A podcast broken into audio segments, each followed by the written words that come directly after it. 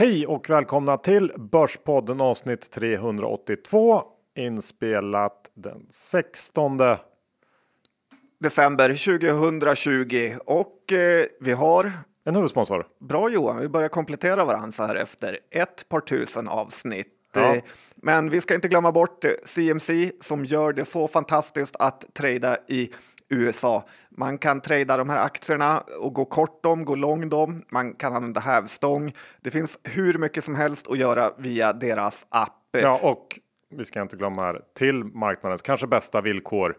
Eh, riktigt, riktigt bra villkor när det gäller handel i USA, både ETFer, enskilda aktier, ja, allt som du sa. Ja, dessutom signar man upp sig som kund, vilket man borde ha gjort nu, så får du deras krispiga morgonbrev fyllt av TA, men även deras veckobrev som eh, sammanfattar veckan lite. Men glöm inte bort Johan, Att det finns risker med CFD-handel. om man gör fel. Ja.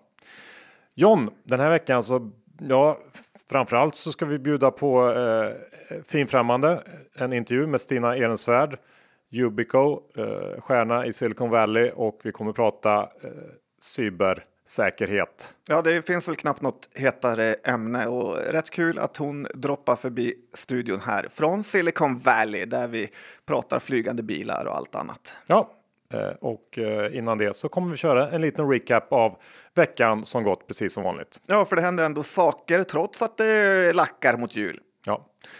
Men John, innan vi kör igång så har vi faktiskt något så ovanligt som en liten platsannons. Och eh, det är inte eh, vilket jobb som helst som vi kommer att eh, annonsera ut här.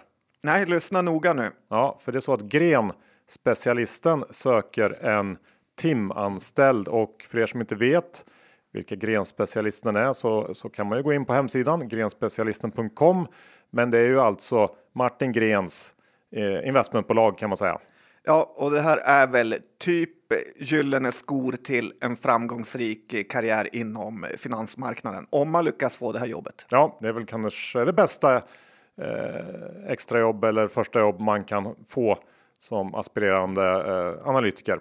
Verkligen. Ja, och för er som vill eh, veta mer om Martin Gren så kan man ju lyssna på vår intervju med honom, avsnitt 170, eh, för att få lite mer kött på benen där. Men det Ett handlar... av de mest lyssnade faktiskt. Ja, det är det. Det handlar om att man ska eh, då vara delaktig och understödja förvaltningen, underlag till investeringsbeslut, eh, uppföljning av investeringar och eh, så vidare. Det här, vi ska tillägga att den här tjänsten är baserad i Malmö så att Nästan på kontinenten. Ja, precis. Och eh, grenspecialisten söker väl någon som kanske kommit något år in på sin eh, civilingenjörs eller civilekonoms utbildning och har ett stort intresse för bolagsanalys och eh, finans i stort. Ja, tveka inte, gå in på grenspecialisten.com. Ja, eh, gå in och läs mer om tjänsten där. Man eh, mejlar sitt CV och en beskrivning av sig själv till rekrytering grenspecialisten.com eh, och det ska man göra innan den 10 januari för att ha chans till det här jobbet. Just do it. Johan Dr. Bass Isaksson index är i 1896 och vi har fallit tillbaka en del här senaste veckan och är väl inne i två veckor av negativ eh, trend på börsen. Även om den inte är jättestark. Vad är din kommentar? Ja, eh, en kort sväng ner. K- kanske ser ut att vända upp igen. Man får lite sån känsla och är det, är det den eh, klassiska lilla midvinterrekylen vi har sett och eh, Är den så klassisk eller? Jag har inte Ah. hört den jätteofta. Jo, men den är klassisk och eh, sen då så kommer det här julenisserallyt som också är klassiskt. Okej, ja, det är den eh, kombinationen man väntar på. Ja, exakt. Eh, nej, men lite så är min känsla i alla fall att eh, det kanske eh, kan börja ett litet sånt eh, julenisserally nu snart. Eh, och tittar man på marknaden så känns ju den ändå fortsatt väldigt, väldigt het och det för mig ändå till de här buden som haglat in. Eh, det har nog ingen missat. Det har varit bud nästan varje dag här. Ja, man hoppas ju varje morgon att de ska ta något av ens egna bolag, men eh, inte än så länge i alla fall. Ja, men det, det här jag tänker lite på, för jag hoppas ju också det. Men det börjar bubbla fram en lite illavarslande girighet tycker jag i samband med alla de här buden. Vi har Entra, Algon, Axkid. Det är ju tre bolag som är föremål för bud just nu och i samtliga fall så finns det ett ovanligt stort motstånd från aktieägarna. Buden ska stoppas. Bolagen är helt plötsligt så fantastiskt fina och står inför en skördetid och, och budgivarna försöker, försöker stjäla de här guldklimparna från de stackars aktieägarna. Man har fått 30% över en natt, men är inte nöjd för girigheten har väckts till liv. Och det finns en historik av övermodiga aktieägare i budsituationer som ändå kan vara värd att påminna sig om tycker jag. Trade är väl det mest eh, kända exemplet på något sätt, men det finns fler. eh, och jag tycker ändå att det därför kan vara värt att tänka till en gång eh, extra. Står mitt lilla bolag som eh, i ärlighetens namn kanske ändå gjort mig besviken ganska många gånger, verkligen inför den här skördeperioden. Eller kan det vara så att jag ska vara rätt nöjd, ta pengarna och bara sticka? Jag vet inte. Nej, men jag tror du har lite fel här just på den här tiden att det är ju så ofattbart lätt för en aktie att gå upp 20 procent. Eh, typ CDON gjorde det på morgonen här då att lämna ifrån sig allt för en 25 i budpremie tycker jag är lite snålt. Du är också smittad av den här girigheten. Ja, men vi kan väl börja lite med Recifarm-budet som jag ändå känner mig lite upplivad av. Vi pratade ju förra veckan om att det kommit tre köprekar på måndagen på Recifarm och Eh, att det, om det då skulle visa sig att Recifarm var en dålig affär eh, så var det lite så här godnattläge för aktieanalys för all framtid. Eh, och okunniga personer vill ju gärna och ofta prata om att börsen kan gå hur som helst, ingen vet något om framtiden och det är bara tur. Men jag tycker ändå det här visar att det faktiskt lönar sig att göra hemläxan eller att det till och med lönar sig att bara lyssna på folk som har gjort hemläxan så slipper man göra den själv. Och det som är bra med börsen att det är ju inte ens Eh, fusk. Eh, men sen idag när CDON gick upp 22 procent och de flesta har säljrek här så dog väl lite av den här känslan igen och eh, att det mest handlar om att det är tur som har tagit över igen. Samtidigt eh, så när man ser att det är Timberhill som är inne och vansinnes köper 22 procent upp utan några som helst nyheter eh, så handlar det nog mest om felinställda datorer och manipulation. Eh, men ni ska veta att de har inget ansvar. När vi ändå pratar om hur EBM försvarar aktierobotar så kanske vi måste ta upp det här med att FBI tittar på de svenska bankerna lite kort. Man hade kanske önskat att EBM och FI hade tagit tag i det här för fem år sedan.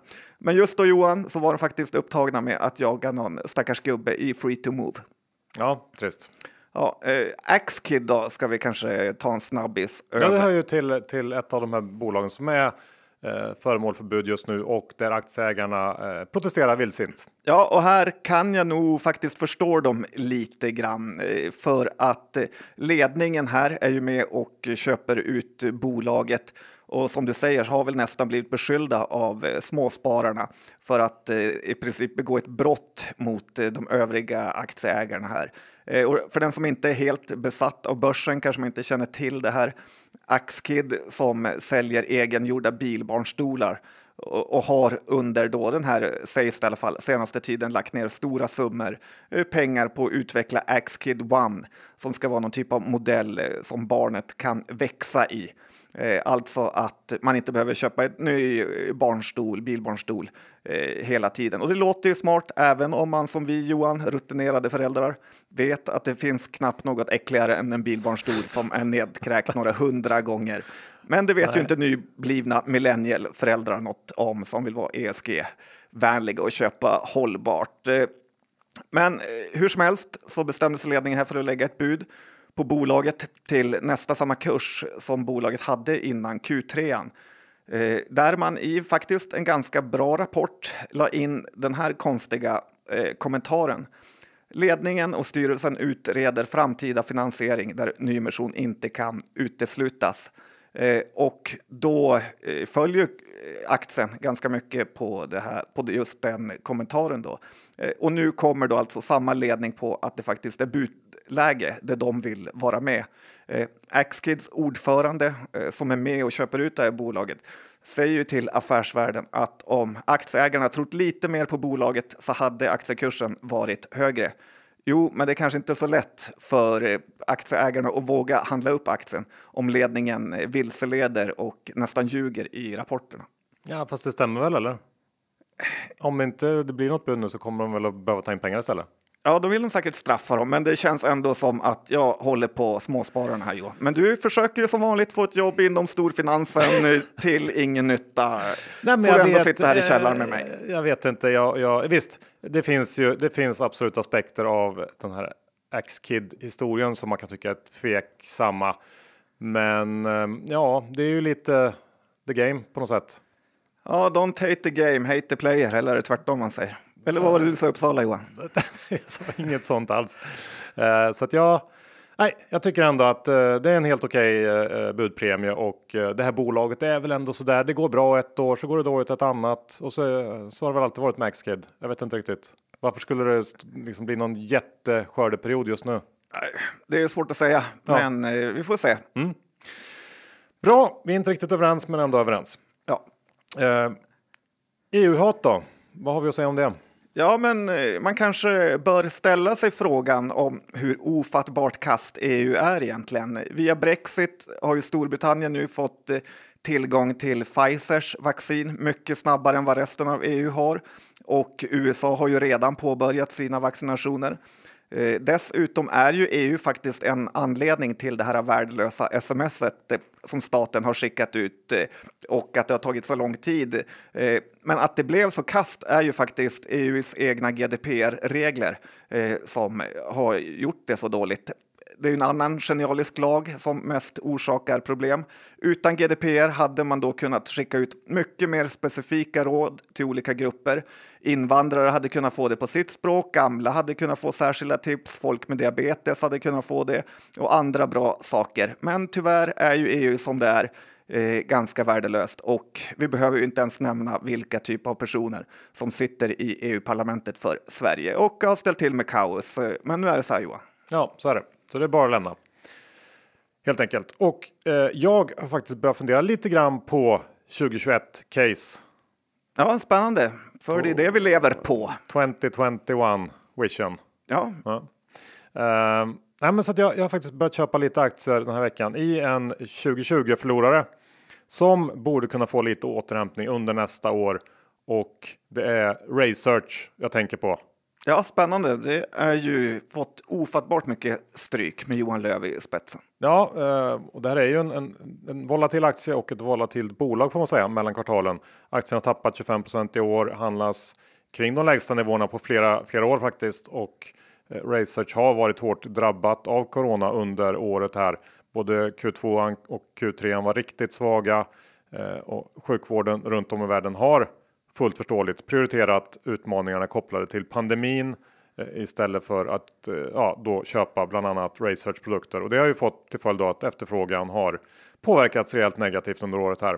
Q4 som kommer eh, i början på nästa år kommer ju också påverkas negativt, men det finns ändå tycker jag mycket som pekar på en återhämtning när världen sakta men säkert normaliseras under nästa år och det här är faktiskt en aktie som inte har återhämtat sig på samma sätt som många andra coronaförlorare har gjort. Um, och allt är inte heller dåligt när det gäller research. Kvaliteten på redovisningen och kassaflödet har förbättrats ganska rejält sista året. Eh, produktportföljen har breddats och så har vi de här långsiktiga positiva drivkrafterna som finns kvar eh, såklart. Möjligt att det är eh, för tidigt här, men eh, jag ser ändå den här aktien som en potentiell vinnare under 2021. Ja, jag håller med därför att eh, jag läste ju om det, eh, det här om Astra, att de har ju sett mindre utskrivningar av olika eh, recept och så på grund av den här eh, pandemin. Så att det finns nog ett uppdämt behov av eh, många behandlingar, så att då kan Research istället bli en vinnare. Eh, men som sagt, man vet aldrig vart botten är. Nej, det är ju ett, lite av en högriskaktie ska man ju tänka på. Eh, John, du har tittat på att växa. Ja, och det är inte som människa, för det har jag gett upp eh, sedan länge. Eh, men man brukar ju tala om att man sätter aktier på svaga händer och att de går ner efter placings eller riktade eh, emissioner. Men förskolebolaget eh, att växas ägarspridning via Avanza är en ny def- definition på svaga händer.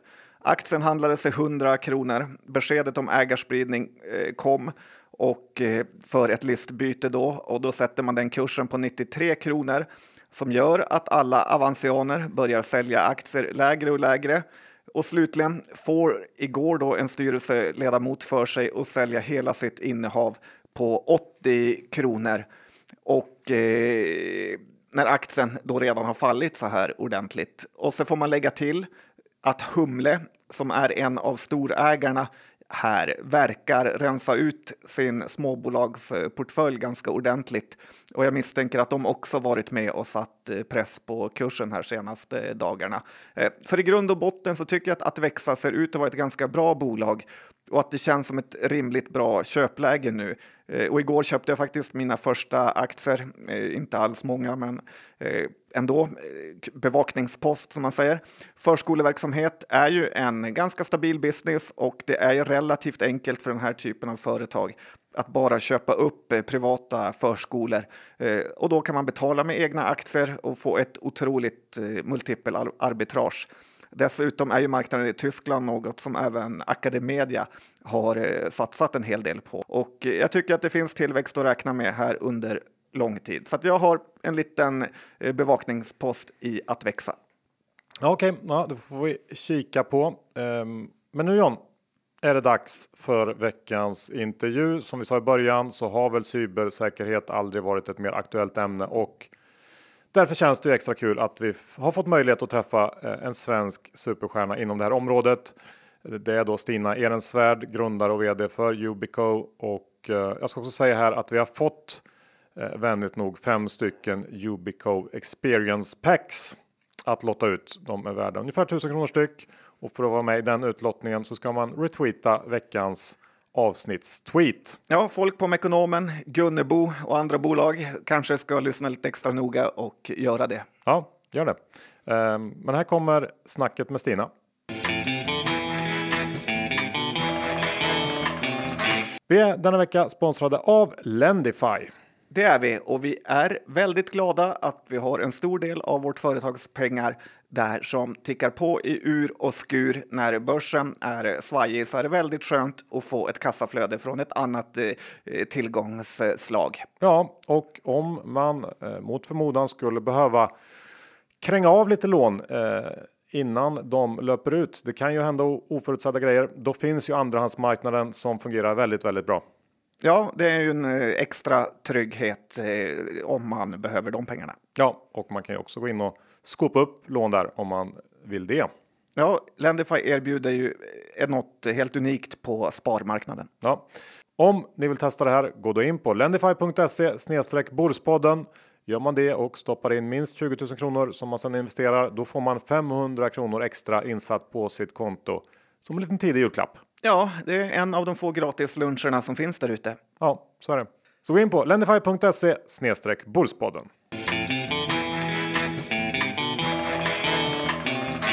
Stina, välkommen till Börspodden. Tack, kul att vara här. Ja, väldigt kul att vi kunde få hit dig. Uh, för du uh, är ju baserad i USA i vanliga fall. Jag bor uh, sedan nio år tillbaks i Silicon Valley. men jag har en lägenhet här i Stockholm också, så jag kommer och går lite. Mm. Um, det är ju ett väldigt hett ämne nu det här med um, cyberattacker och hackerattacker.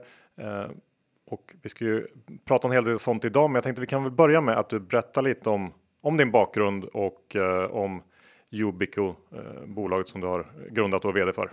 Tack! Ja, eh, internet grundades eller startades eller vad ska vi säga uppfanns för ungefär 30 år sedan. Det har gått väldigt fort. Det var inte designat för säkerhet. Det var designat för att dela information. Och nu så här 30 år senare så i hela vårt samhälle, individer, företag, myndigheter, vi är beroende av den här infrastrukturen mer än någonsin. Vi är efter covid så är, så är allting på nätet.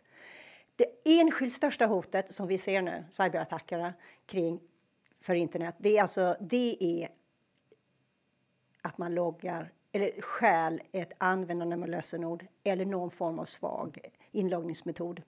Och det var det, det problemet som vi ville lösa, jag och min man. Jag har bakgrund som industridesigner, utbildad på Konstfack. Min man är före detta internetsäkerhetsexpert. Alltså, när jag träffade honom så byggde han säkerhetssystemet för Forsmarks kärnkraftverk.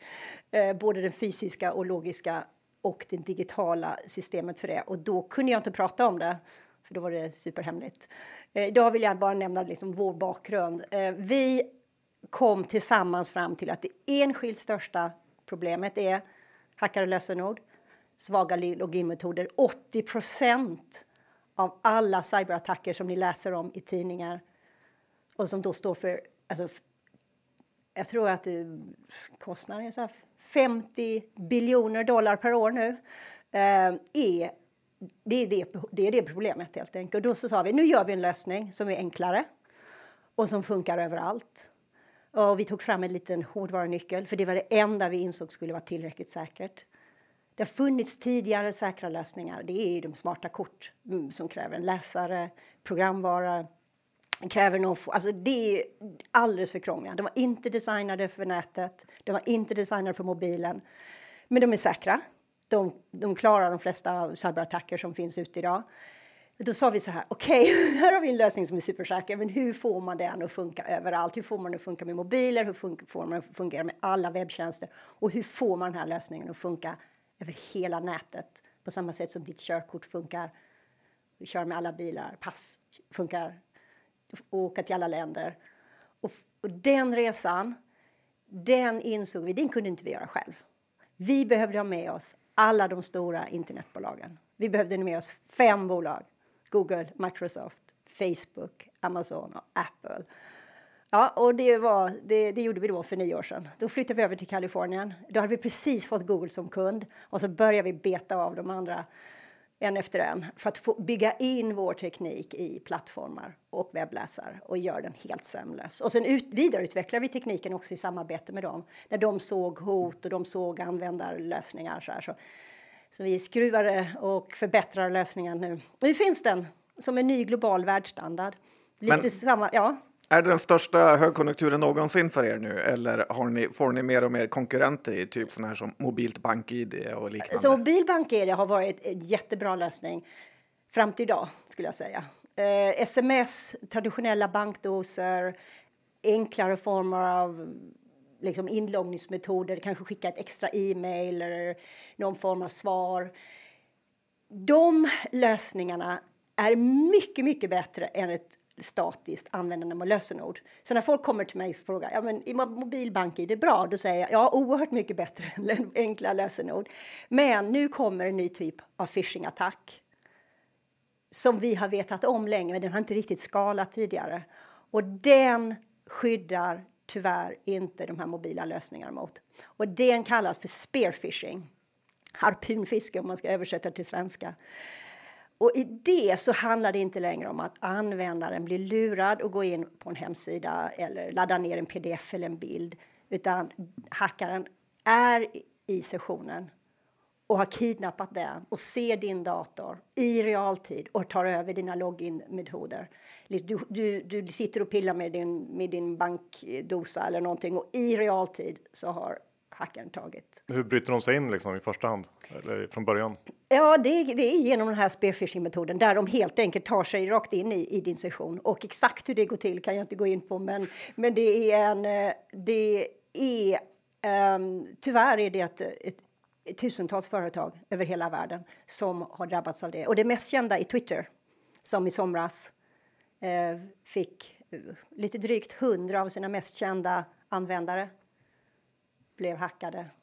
Eh, och det var en scam med eh, en organiserad liga som eh, tog över de här kontona och skickade ut någon form av ja, att man skulle köpa någon cryptocurrency helt enkelt få, få pengar. Och de lyckades få in några miljoner dollar innan det stoppades. Men jag tänkte på det här med mobilt eh, bank-id. Man har aldrig hört talas om att det, någon har blivit hackad av det riktigt, eller? Jo, det har du. Det står i tidningen ganska ofta. Eh, men det är en eh, hyfsat bra lösning. Jag tycker att vi... Eh, man måste alltid vara realistisk med vad är möjligt och vad är möjligt att få fram och vad är liksom, få den här balansen mellan enkelhet och säkerhet. Och det är en förhållandevis enkel lösning och det är mycket bättre än att använda namn och lösenord. Kan du, inte, kan du inte berätta lite snabbt hur eh, er lösning funkar? Ja, det här sätt? är alltså en liten hårdvarunyckel som kommer jag visa det här för er, men inte för läsarna. Men jag tänkte inte bara beskriva den. Det ser ut som en liten USB-nyckel Eh, och sen ha- har den eh, USB i ena, ena sidan, både C eller A USB för moderna och gamla datorer. Och sen har den NFC, så du kan lägga den mot en mobil. Och på- det sättet så funkar den med alla mobiler och alla telefoner. När man vill använda YubiKey för att logga in på ett säkert eh, konto eller så måste man först gå till en tjänst som har gjort support för YubiKey. Man kan inte bara den funkar inte överallt. Men det är idag ungefär 700 sajter som har gjort support och alla de ledande stora IT-plattformarna och eh, sociala medier samt eh, lösenordshanterare har gjort support för det här. Då går du in, Eh, du registrerar det genom att eh, kombinera med ett enkel pin eller en password och så trycker du på den och då visar du att du är en riktig användare bakom nyckeln. Du kan inte vara en trojan eller hacker eh, som kan försöka logga in från någon annanstans. Och så varje gång du registrerar den här så registreras URLen som ska gå till den sajten. Så du kan inte bli lurad att gå till en falsk, eh, falsk hemsida. Ska du logga in på Google så måste det vara google.com. Det kan inte vara någon annan sajt. Ehm, sen så uppfann vi Alltså min man som är superskicklig inom de här områdena, han uppfattar eh, ett protokoll som gör att den här funkar på alla sajter som du registrerar mot utan att någon, någon information delas mellan de här sajterna. Så jag kan logga in på Google, jag kan logga in på login.gov som är en amerikansk eh, sajt för massor myndigheter. Eh, jag kan logga in på eh, ett antal amerikanska eh, banker, jag kan logga in på Microsoft, Facebook jag kan ha samma nyckel på, på, alla de här sajterna utan att det är en central tjänst som håller i det här. Vill jag göra det riktigt enkelt för mig, då loggar jag i, använder det här med Google eh, Connect eller Facebook Connect eller Microsoft system som har såna single sign-on-tjänster som jag sen tur kan logga in på tusentals tjänster så att jag inte behöver sätta upp en YubiKey för alla de här tjänsterna. Sen har vi utvecklat någonting som gjort det ännu enklare. För det är så här att om jag skulle behöva använda, ta fram en YubiKey varje gång jag ska logga in på min dator eller på min telefon så skulle jag tycka att det var rätt krångligt. Det kommer folk inte gå med på. För vi vill inte ha någonting som är ett extra steg eller skapar extra krångel för oss. Så då utvecklar vi tillsammans med Google och de här stora plattformarna eh, eh, eh en metod där när du efter att ha registrerat det här och lagt in ett användarnamn och lösenord så räcker det du behöver inte registrera din YubiKey och använda din YubiKey eller ens ett användarnamn och lösenord efter du har registrerat den. Så varje gång du loggar in sen, så bokstavligen när jag ska logga in på min telefon nu, vad jag gör, jag tar upp min telefon, jag trycker på min fingeravläsaren på baksidan av telefonen och sen har jag min e-mail där säker. Jag behöver inte använda min YubiKey nästa gång. Och det är det som gör att det här skalar. Det är därför vi nu har 15 miljoner användare över hela världen. Vi har fått med oss alla de här plattformarna. Det är inte bara för att du är supersäker och stoppar de här avancerade attackerna, den här spearfishing-attackerna, utan för att det bara funkar rakt av. Men vem är det som använder det? Är det privatpersoner eller är det folk eh, som jobbar på företag som är tvingade att använda det? Vi har ju börjat med att jobba med de stora IT-företagen. Hälften av våra intäkter, som i år närmare 900 miljoner, eh, and counting, Eh, kommer att... Eh, det är ju stora företag som köper. Och det, hälften av de här intäkterna är från Silicon Valley och amerikanska västkusten. Där har vi våra... Vi är inte världskända. Eh, vi är inte världens största IT-säkerhetsföretag, men vi är det, det klart etablerade märket för säker login i, på den amerikanska västkusten med de stora it-bolagen. De använder alla våra lösningar. Eh, där började vi eh, att sälja och bygga vår plattform. Eh, där började vi få företagsanvändare och deras slutanvändare. Och sen nu i och med att det är mer och mer konsumenttjänster som har gjort support för det här via alltså, de i sin tur har ju konsumenttjänster, de här stora it-plattformarna, så börjar också konsumenter komma. Eh, och det är människor som har influencers, eh, folk som har stora Twitterkonton, Youtube-personer. Eh, vi har några presidenter, vi har några så här, Eh, jag blev kontaktad faktiskt av en Hollywood-regissör för, för några veckor sedan som sa att hans konto har blivit hackat och, och så var så himla lycklig för att nu kunde han äntligen säkra access till massor känslig information. Så att det är inte, initialt är det inte eh, breda massan av konsumenter som börjar använda det här, utan det är folk som tar säkerhet på allvar. Under nästa år så kommer vi ha mycket mer tydliga och enklare lösningar för konsumenter. Det är lite, lite pilligt idag att få det att funka för konsument. Vad är det hackarna vill åt när de hackar in sig i ja, framförallt företag? Då? För att om de skulle ta min Facebook-sida är det inte jättemycket kul de kommer åt. Alltså har du en stor Facebook-sida med massor användare så blir det väldigt trist om de hackar sig in i, i dig och, och sen så skickar ut ett meddelande till din användarbas. Det kan ju se fruktansvärt illa ut. Om, de säger, om den här hackaren nu säger någonting pinsamt som du sen måste uh, hantera. Det gör jag så bra själv så att... Uh... de, alltså, de riktigt stora avancerade hackarna, hackarna by, by the way, de det vanligaste är stora kriminella ligor som har liksom totalt exploderat, som är bara ute efter pengar. Eh, den andra stora liksom, gruppen som tyvärr växer också väldigt snabbt är organisationer som är sponsrade av icke-demokratiska stater som går in medvetet för att stjäla, manipulera data, stjäla IP, stjäla kontrakt och påverka val resultat i länder och påverka opinion eh, i länder. Eh, ja, tyvärr är så att det här är ju, det här är inte... För 20 år sedan så var det lite, lite enstaka hackers som satt själv någonstans. Nu är det klart eh, organiserat. Men är det, försöker de tömma bankkonton eller hur försöker man skicka blufffakturor eller hur är det bedra, bedrägeriet All ser ut? All and beyond. Alltså det man kan eh, ta sig in i något enskilt bankkonto, bluffrakturer, gå in och stjäla patent eller kontrakt, stjäla... Eh, ibland, tyvärr, så går man ju in och lägger det som vi, det som vi nu har hört som ransomware där man bokstavligen tar tag och liksom stjäl databasen med användaruppgifter. Och ibland så låser man den så att användaren inte ens kan komma åt den. Om den ligger offline så, så, så kommer ju folk inte ens åt sin egen data. Ibland, och det här är det mest Alltså det här är det absolut hemskaste exemplet av alla attacker som jag har läst om de senaste året. Det är ju den här finska psykiatrimottagningen. Det stod om det i Svenska tidningen för någon månad sedan. Där en, en hackergrupp gick in, stal alla journaler till en psykiatrisk klinik och sen krävde kliniken på pengar för att man inte skulle göra de här journalerna offentliga. Eh, kliniken ville inte betala, för det var väldigt stora pengar. Och då började hackaren istället gå ut till de enskilda patienterna och kräva dem på pengar. Och det är ju fruktansvärt hack. Det är, ju, det är redan utsatta personer som nu står inför eh, katastrof och blir i de offentliga med sina, med sina ja, känslomässiga problem. Och hur, hur, hur, hur bedömer man och hur räknar man på en sån skandal? Jag vet inte. Det, det, det, det finns siffror som säger nu att det är 50 biljoner dollar kostar en attack.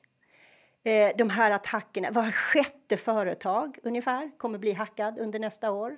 Det tar ungefär 20 dagar innan de här företagen vet om de har blivit hackade. Um, och kostnaden är ju allt ifrån IP som blir stulen, värdet på bolaget går ner. Det mest eh, liksom, tydliga offentliga exempel på ett bolag som gick ner i värde efter en hackarattack var Yahoo som för några år sedan skulle säljas till Verizon. Och så blir de hackade i samband med hela den liksom, övergången. Och då var det så pass stort brand damage och liksom problem för bolaget. Allt ifrån att liksom driftkostnader till material som hade läckts till användare som hade blivit hackade. Så det var flera miljarder dollar i köpeskillningen som ändrades på grund av det hacket. Eh, samma år så blev Target, ett stort amerikanskt eh, eh retailfirma, blev hackad och det var första gången som en vd förlorade jobbet. För alla deras kreditkort som Target hade hamnade på nätet. Alla deras kreditkort. Och då sa de det här skulle ni haft bättre säkerhet för. Så det var första gången det kom riktigt upp på styrelsenivå att eh, man måste ta säkerhet på allvar. Vilka är de vanligaste misstagen då bland, bland företag om vi eh, siktar in oss på företag? Vad, om man ska man... söka in på ett företag så finns det ett antal saker som faktiskt, om man gör det så minskar man drastiskt risken för att bli hackad. Jag ska börja med det som vi jobbar med. Jag sa det, det är 80% av alla attacker handlar om att man använder någon, någon typ av svag inloggningsmetod. Det var det som hände med den här eh, eh psykiatrikliniken i Eh, i Finland. De använder ett användande med lösenord. Gör inte det. Ska man använda användarnamn med lösenord så använd det i så fall tillsammans med något som kallas en password manager eller lösenordshanterare som ser till att alla i dina lösenord är väldigt starka och olika för varje sajter. Det är lite bättre lite bättre säkerhet. Ännu bättre säkerhet är någon form av stark autentisering. BankID är en av de bättre grejerna här i Sverige. Så jag rekommenderar fortfarande folk att använda det. Eh, ännu säkrare är smarta kort. Det är krångligare, men det är säkert. Eller YubiKeys. Sen finns det också en väldigt enkel sak som står för en stor del av antalet attacker. Det är att bara se till att alltid uppdatera sin mjukvara på telefoner och datorer. Hackare letar alltid efter sårbarheter i eh, gammal mjukvara. Och de finns där hela tiden. Så att bara liksom, att hela tiden ha koll på att när, när din dator och telefon säger do you want to update, gör det. För sannolikheten om du väntar ett par månader är att du blir mer sårbar. Ser man något eh, samband på bolagen som blir eh, hackade? Här i Sverige har vi haft eh, Mekonomen, Gunnebo, bolag som har underpresterat på börsen med innan attacken. Att eh, det är, sköts, eh, de sköts dåligt helt enkelt det är en kostnad och en investering att se till att ha bra säkerhet. Så det, är inte, det förvånar mig inte att de mest innovativa, de mest framgångsrika bolagen också satsar på säkerhet. Vi började jobba med Google eh, 2010. Så hade de, alltså 2009 hade de haft en, ett säkerhetsproblem som heter Aurora. Det står om det på nätet. Det är en, eh, där flera, eh, både stora it-företag och eh, amerikanska försvarsmyndigheter hade blivit hackade av en organisation kopplad till kinesiska myndigheter. Eh, därefter det så sa Sergey Brin, nu måste vi göra någonting bättre.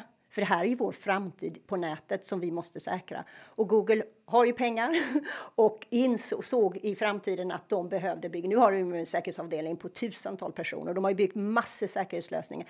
Det var vår smala lycka att, att Google ville eh, börja samarbeta med oss där. De eh, började köpa vår första produkt över nätet. Eh, kom tillbaka och sa att de ville köpa 20 000 enheter. Eh, vi började den här dialogen och sen tillsammans med dem så utvecklar vi det som är nu den här standarden. Och sen kom Microsoft och de andra plattformarna ombord. Men gå tillbaka till din fråga. Ja, de stora, de mest framgångsrika, de mest innovativa, de, de företag som ser in i framtiden bäst har också den bästa säkerheten. Men hur, hur medvetna skulle du säga att företag är generellt idag kring det här? Jag tror att vi alla blivit mer medvetna. Om man tittar på de eh, ny, liksom, det som har skapat nyheter de senaste månaderna, eh, året, så har det ju varit antingen corona eller cyberattacker. Eller möjligtvis amerikanska valet. Det är, liksom, det är tre saker som har verkligen varit på allas, allas eh, radar på ett sätt som det kanske inte varit tidigare. Jag tycker man läser om en cyberattack varje vecka. Mm. Men det här med hemmajobbartrenden, att eh, då sitter folk på sina kackiga hemmadatorer och använder inlogg eh, då. Borde inte det vara ett gyllene läge för alla hackers där ute att kunna då bryta sig in i företagens eh, system? Ja, man har sett efter corona att attackerna har ökat. Om det har dubblats vet jag inte, men det har ökat signifikant. Och vi har Tyvärr är det ju att många säkerhetslösningar som var designade för att folk skulle sitta hemma eller sitta på kontor de är inte lika säkra som att sitta hemma. Så det är flera skäl. Dels så kanske de inte hade säkra VPN-lösningar, de hade inte säker access till olika cloudsystem och cloudsystem så här, de måste ju ha en säker login, annars är de sårbara för hela världen. Eh, och sen delar vi ibland eh, datorer med våra familjemedlemmar. Det, finns en, det var ett känt hack för inte så länge sedan om en vd som hans son hade lånat hans dator och laddat ner något kul spel som innehöll virus och som indirekt då hackade hans system. Mm. Eh, min rekommendation till företag generellt, och nu är det inte så att jag vill göra reklam för de stora it-plattformarna, men Google, Microsoft, Amazon och Apple och många av de liksom, ledande it-företag som också erbjuder system för eh, liksom, e-mailsystem och liksom, företagslösningar har också de bästa säkerheten. De har lösningar, inte bara att de har gjort support för YubiKey, de har ju byggt in massor säkerhetsfunktioner. Så att om du använder Microsoft system så behöver du inte ladda ner någon virusprogramvara för det finns nu inbakat. Och de har system som monitorerar oh, liksom konstiga saker som händer. Om du åker till ett främmande land så ser, så ser de här systemen det och säger är du säker på att du vill logga in här? Eller vi såg någonting misstänkt. Är det här korrekt? Och den typen av säkerhetslösningar är mycket svårare att eh, bygga på egen hand. Hur är det med alla andra grejer då, som man har hemma som är, är uppkopplade nu? Eh, det mesta går ju att koppla upp egentligen eh, i elektronikväg. Är det också ett, ett hot på något sätt? Ja, absolut. ja, det de kan spela vilken låt de vill hos dig Johan och sådana grejer. Alltså, jag skulle själv personligen aldrig använda en sån här eh, Alexa eller vad de heter så här, som bara lyssnar av allting du gör. Finns skickar. det något känt hack kring, kring det? Alltså det är bara tidsfråga till det kommer. Och det är lite skrämmande tycker jag för de människor, de här systemen som samlar in så mycket personlig data om, om oss och följer oss. Och så länge de är i rätta händer så är man inte lika bekymrad. Men när de kommer i orätta, lite mörka krafter som på något sätt följer vad vi gör, var vi är, våra beteenden, våra vänner. Um, det, då kan vi komma in i en polisstat som vi tyvärr ser börja hända i några icke-demokratiska länder nu där man använder AI och IoT och, och internet att samla information och övervaka och straffa människor. Men vad säger du generellt om typ polisen här i Sverige eller USA? Hur eh, ligger de i utvecklingen? Har de ingen alls möjlighet att ta fast de här hackerattackerna eller hackertjuvarna? Man har ju varit lite sent tror jag med att investera i bra it-säkerhet från polisens och militärens sida det läggs ju enormt mycket pengar. Jag tänker USA lägger enormt mycket pengar på stridsflygplan och bomber och liksom andra typer av fysiska liksom, fysiskt skydd eh, när idag den, det mest effektiva och aktiva kriget just nu det är ju inte ett fysiskt krig, det är ett cyberkrig och det pågår här och nu. Och eh, hade jag suttit för en budget för något land så skulle jag absolut eh, prioritera cybersäkerhet eh, före de fysiska attackerna. För jag tror att de fysiska attackerna är inte lika eh, sannolika. Eh, vi, ser dem, vi ser redan de, de cyberattackerna. De kommer redan.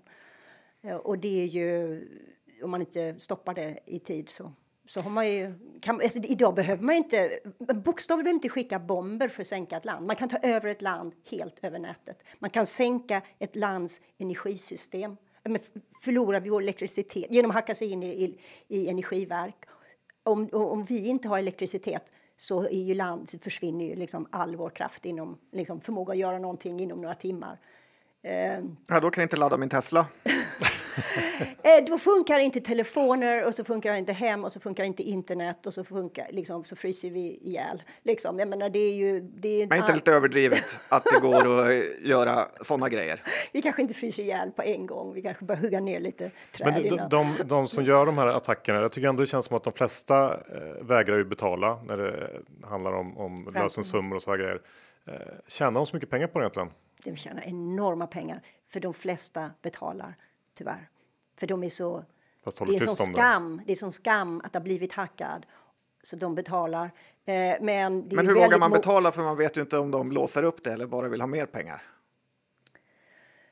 Ja, det är, ja, det är, den, det är det, den risken som användare får ta. Eh, jag skulle ändå inte rekommendera att man betalar för det föder ju de här hackers som gör dem det ännu mer så att det är modigt av företag att inte betala. Det är modigt av företag att, att ta, eh, liksom, eh, ta de åtgärderna och ta den. Det går ju att hantera i många fall eh, om man fått ransomware. Om man ser på det här ur ett mer liksom, börsrelaterat perspektiv då, märker ni av att, att eh, folk från investerarvärlden börjar eh, titta på eh, bolags säkerhet, cybersäkerhet innan man investerar till exempel? Absolut. Eh, de senaste åren så har ju corporate social responsibility varit någonting som investerare har satt som krav på bolag. Under de kommande åren så kommer man att se att man även ställer krav på it-säkerhet på grund av de stora materiella och ekonomiska förluster som det kan innebära när man, ett bolag blir hackat. Eh, och våra investerare i Yubico har faktiskt bett oss om att ta fram material som de i sin tur kan skicka till sina portföljbolag just för att upp liksom ett, eh, någon form av process och, och checkpoint list av vad man ska göra så att de som investerare kan kan göra bedömningar. Har de här portföljbolagen gjort, liksom tagit rätt, eh, rätt steg i rätt riktning? De här hackarna, sitter de, vilket land skulle du säga de eh, kommer ifrån främst eller jobbar ifrån? Under amerikanska valet, som vi haft förmånen att få vara med och säkra, så såg, eh, det här är officiell information, så såg Microsoft eh, hot, stora phishingattacker från tre icke-demokratiska länder. Eh, det var en grupp som heter Strontium eh, som verkar i Ryssland som har attackerat mer än 200 organisationer, inklusive politiska organisationer. Det var en grupp som heter Siroconium, eller jag kan inte uttala det riktigt, från Kina som har attackerat individer kopplade till valet, inklusive personer kopplade till de eh, enstaka presidentkandidaterna.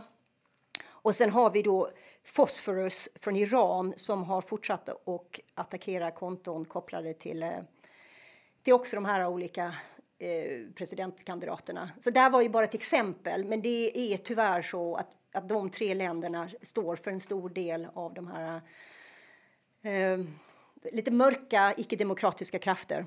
Men är det mest för att skapa kaos eller för att de på riktigt hejar på någon? Det finns de som menar att det är Eh, att Ryssland var det land som hackade sig in 2016 eller 2016 till ehm, Hillary Clintons valkampanj. Det var en phishing-attack som tog över ett e-mail som i sin tur eh, la ut saker som hon hade skrivit men också manipulerade och la ut saker som hon inte hade gjort för att påverka det valet. Och det finns de som menar att de hade inte hon blivit hackad så hade valresultatet sett annorlunda ut. Och den här kopplingen är... Eh, det finns starka kopplingar till, till Ryssland som var bakom den attacken. Var det så att eh, Ryssland ville hjälpa Trump? Eh, var det så att Trump samarbetade med Ryssland för att det skulle ske? Det finns ju de som spekulerar av det. Jag är inte... Jag sitter ju inte med all den datan, men, men det står om det i, i pressen och eh, vi får väl se. Jag förmodar att den typen av information kommer bli mer och mer synlig framöver. Det här är ju ändå en, en börspodd och jag tänkte Bure är ju en av era större ägare, visst stämmer det? Det stämmer. Vi, våra två största ägare är Bure och AMF. AMF är Sveriges största ägare i, eh, på den svenska Stockholmsbörsen tror jag. Eh, och vi är jätteglada och tacksamma att ha dem som ägare. Och Bure har varit med ganska länge va? Det var med, de har varit med i tre, fyra år nu tror jag. Eh, innan dess så hade vi vi startade bolag med några svenska affärsänglar. Och sen flyttade jag över till Kalifornien och fick jag med mig några coola amerikanska affärsänglar, såna dollarbiljonärer. Mm, eh, och sen eh, fick vi in Andreessen Horowitz som är en av de större namnkunniga investerarna i Silicon Valley. Mm, så vi, har en, lista. vi har en trevlig blandning av svenskt och Silicon Valley. Ja, så och, jag tänkte säga, det går ju att få, få då exponering via Bure till exempel. Eh, men om, om man skulle vilja investera eh, direkt, har ni några börsnoteringsplaner framöver? Eh, inte just nu. Inte nu? Nej, nu växer vi Eh, och vi samarbetar väldigt nära de, stora it-bolagen för att ha ännu bättre och ännu tajtare integration mellan våra lösningar och deras sajter så att användarupplevelsen ska bli liksom bara klockren. Om några år kanske? Om några år så kanske vi gör en börsnotering, men det är ingenting som vi har planer för. Det är ett bra klimat nu för det. Men Johan, hur mycket vill du in i det här eh, bolaget? Men kan vi inte prata lite om eh, stämningen i Silicon Valley just nu? Hur är det där? Hur håsigt är det? Ja, det har varit ett intressant år för vi har haft bränder eh, och märklig politik och vi har haft eh, covid och vi har haft eh, Black Lives Matter. Så det har inte varit ett enkelt år kan jag säga i Silicon Valley. Men techbolagen det går ju bättre än någonsin för techbolag och säkerhetsföretag också. Så att vi är ju en av dem som tillhör den här eh, världen som, som klarar sig bra. Eh, och eh, intresse för teknik eh, och intresset för internetbolag och intresset för säkerhetsbolag har aldrig varit större. Men åker folk runt på typ flygande bilar och maten kommer med drönare och sånt? Det är så jag tänker mig att det är. Nej, jag har inte fått någon mat med drönare, de kommer i en vanlig bil. Men det finns säkert någon som har fått den i en drönare. Sen måste jag fråga om din keps som man ju alltid ser dig med. Va, vad är grejen där? Detta är mitt brand och min kaptenshatt. Jag har den på jobbet. Sen när jag inte jobbar, då tar jag av mig den och då känner folk inte igen mig. Det är väldigt praktiskt. Så kan jag gå runt på gatan och vara inkognito. Mm, jättesmart. Är det, är det viktigt att ha någon slags sån grej? Det började med för några år sedan, det var kanske fem, sex år sedan, så var jag på en internetsäkerhetskonferens och så hade jag den här hatten på mig för första gången och det var min son som, jag hade precis köpt den uh, och så sa min son, ah, mamma du ser cool ut i den här hatten och så sa jag, okej, okay, då har jag den på den här konferensen. Um, och sen så var den så himla bra för alla som hade pratat med mig och ville komma tillbaka och prata med mig kunde direkt se, hitta mig. För jag hade liksom, jag stack ut där och var liksom, av alla människor på en här, liksom, hundratals människor på en konferens så vill man kanske liksom, återkoppla till någon. Um, så då satt, tänkte jag, ah, men då, då fortsätter jag. Och så, så har det blivit. Ja, eh, då får vi säga tack till dig Stina för att du tog dig tid att besöka oss eh, nu när du är i stan. Så att, eh, tack och lycka till! Tack själv! Kul att vara här! Slut på avsnitt 382. Vi tackar vår huvudsponsor CMC Markets. Gå in och öppna konto om ni inte redan gjort det. Då får man ju också deras eminenta morgonbrev och veckobrev. Enough said. Exakt. Och eh, Grenspecialisten, glöm inte bort den, den här möjligheten att få in en fot i finansvärlden på ett riktigt, riktigt bra ställe. Ja, hade jag varit ung och lovande hade jag sökt det. Nu är jag bara och. Ja, och hade du sökt det så hade du inte fått det. eh, men, eh, ja, men det är väl ganska. Det är ganska troligt. Ja. Eh, så att då vet ni ungefär eh, var nivån ligger. Och tack Lendify, gå in och öppna konto. Eh, det är inte heller så mycket att fundera på. Man behöver en liten backup skild från börsen. Verkligen. Man ska inte ha alla ägg i samma korg och det har vi inte när vi har en stor del av våra egna, eh, våra, när vi har en stor del av våra företagspengar där. Ja, lendify.se snedstreck för att få 500 kronor extra. Bra, hur är det med veckans innehav John? Jag har bara att växa, men jag kanske skaffar mig lite research nu när du har sålt in caset för 2021. 2021 är något jag gillar. Ja, jag har då köpt lite research. Bra, då tackar vi för oss, säger hej då, hörs om en vecka igen. Det gör vi. Hej då!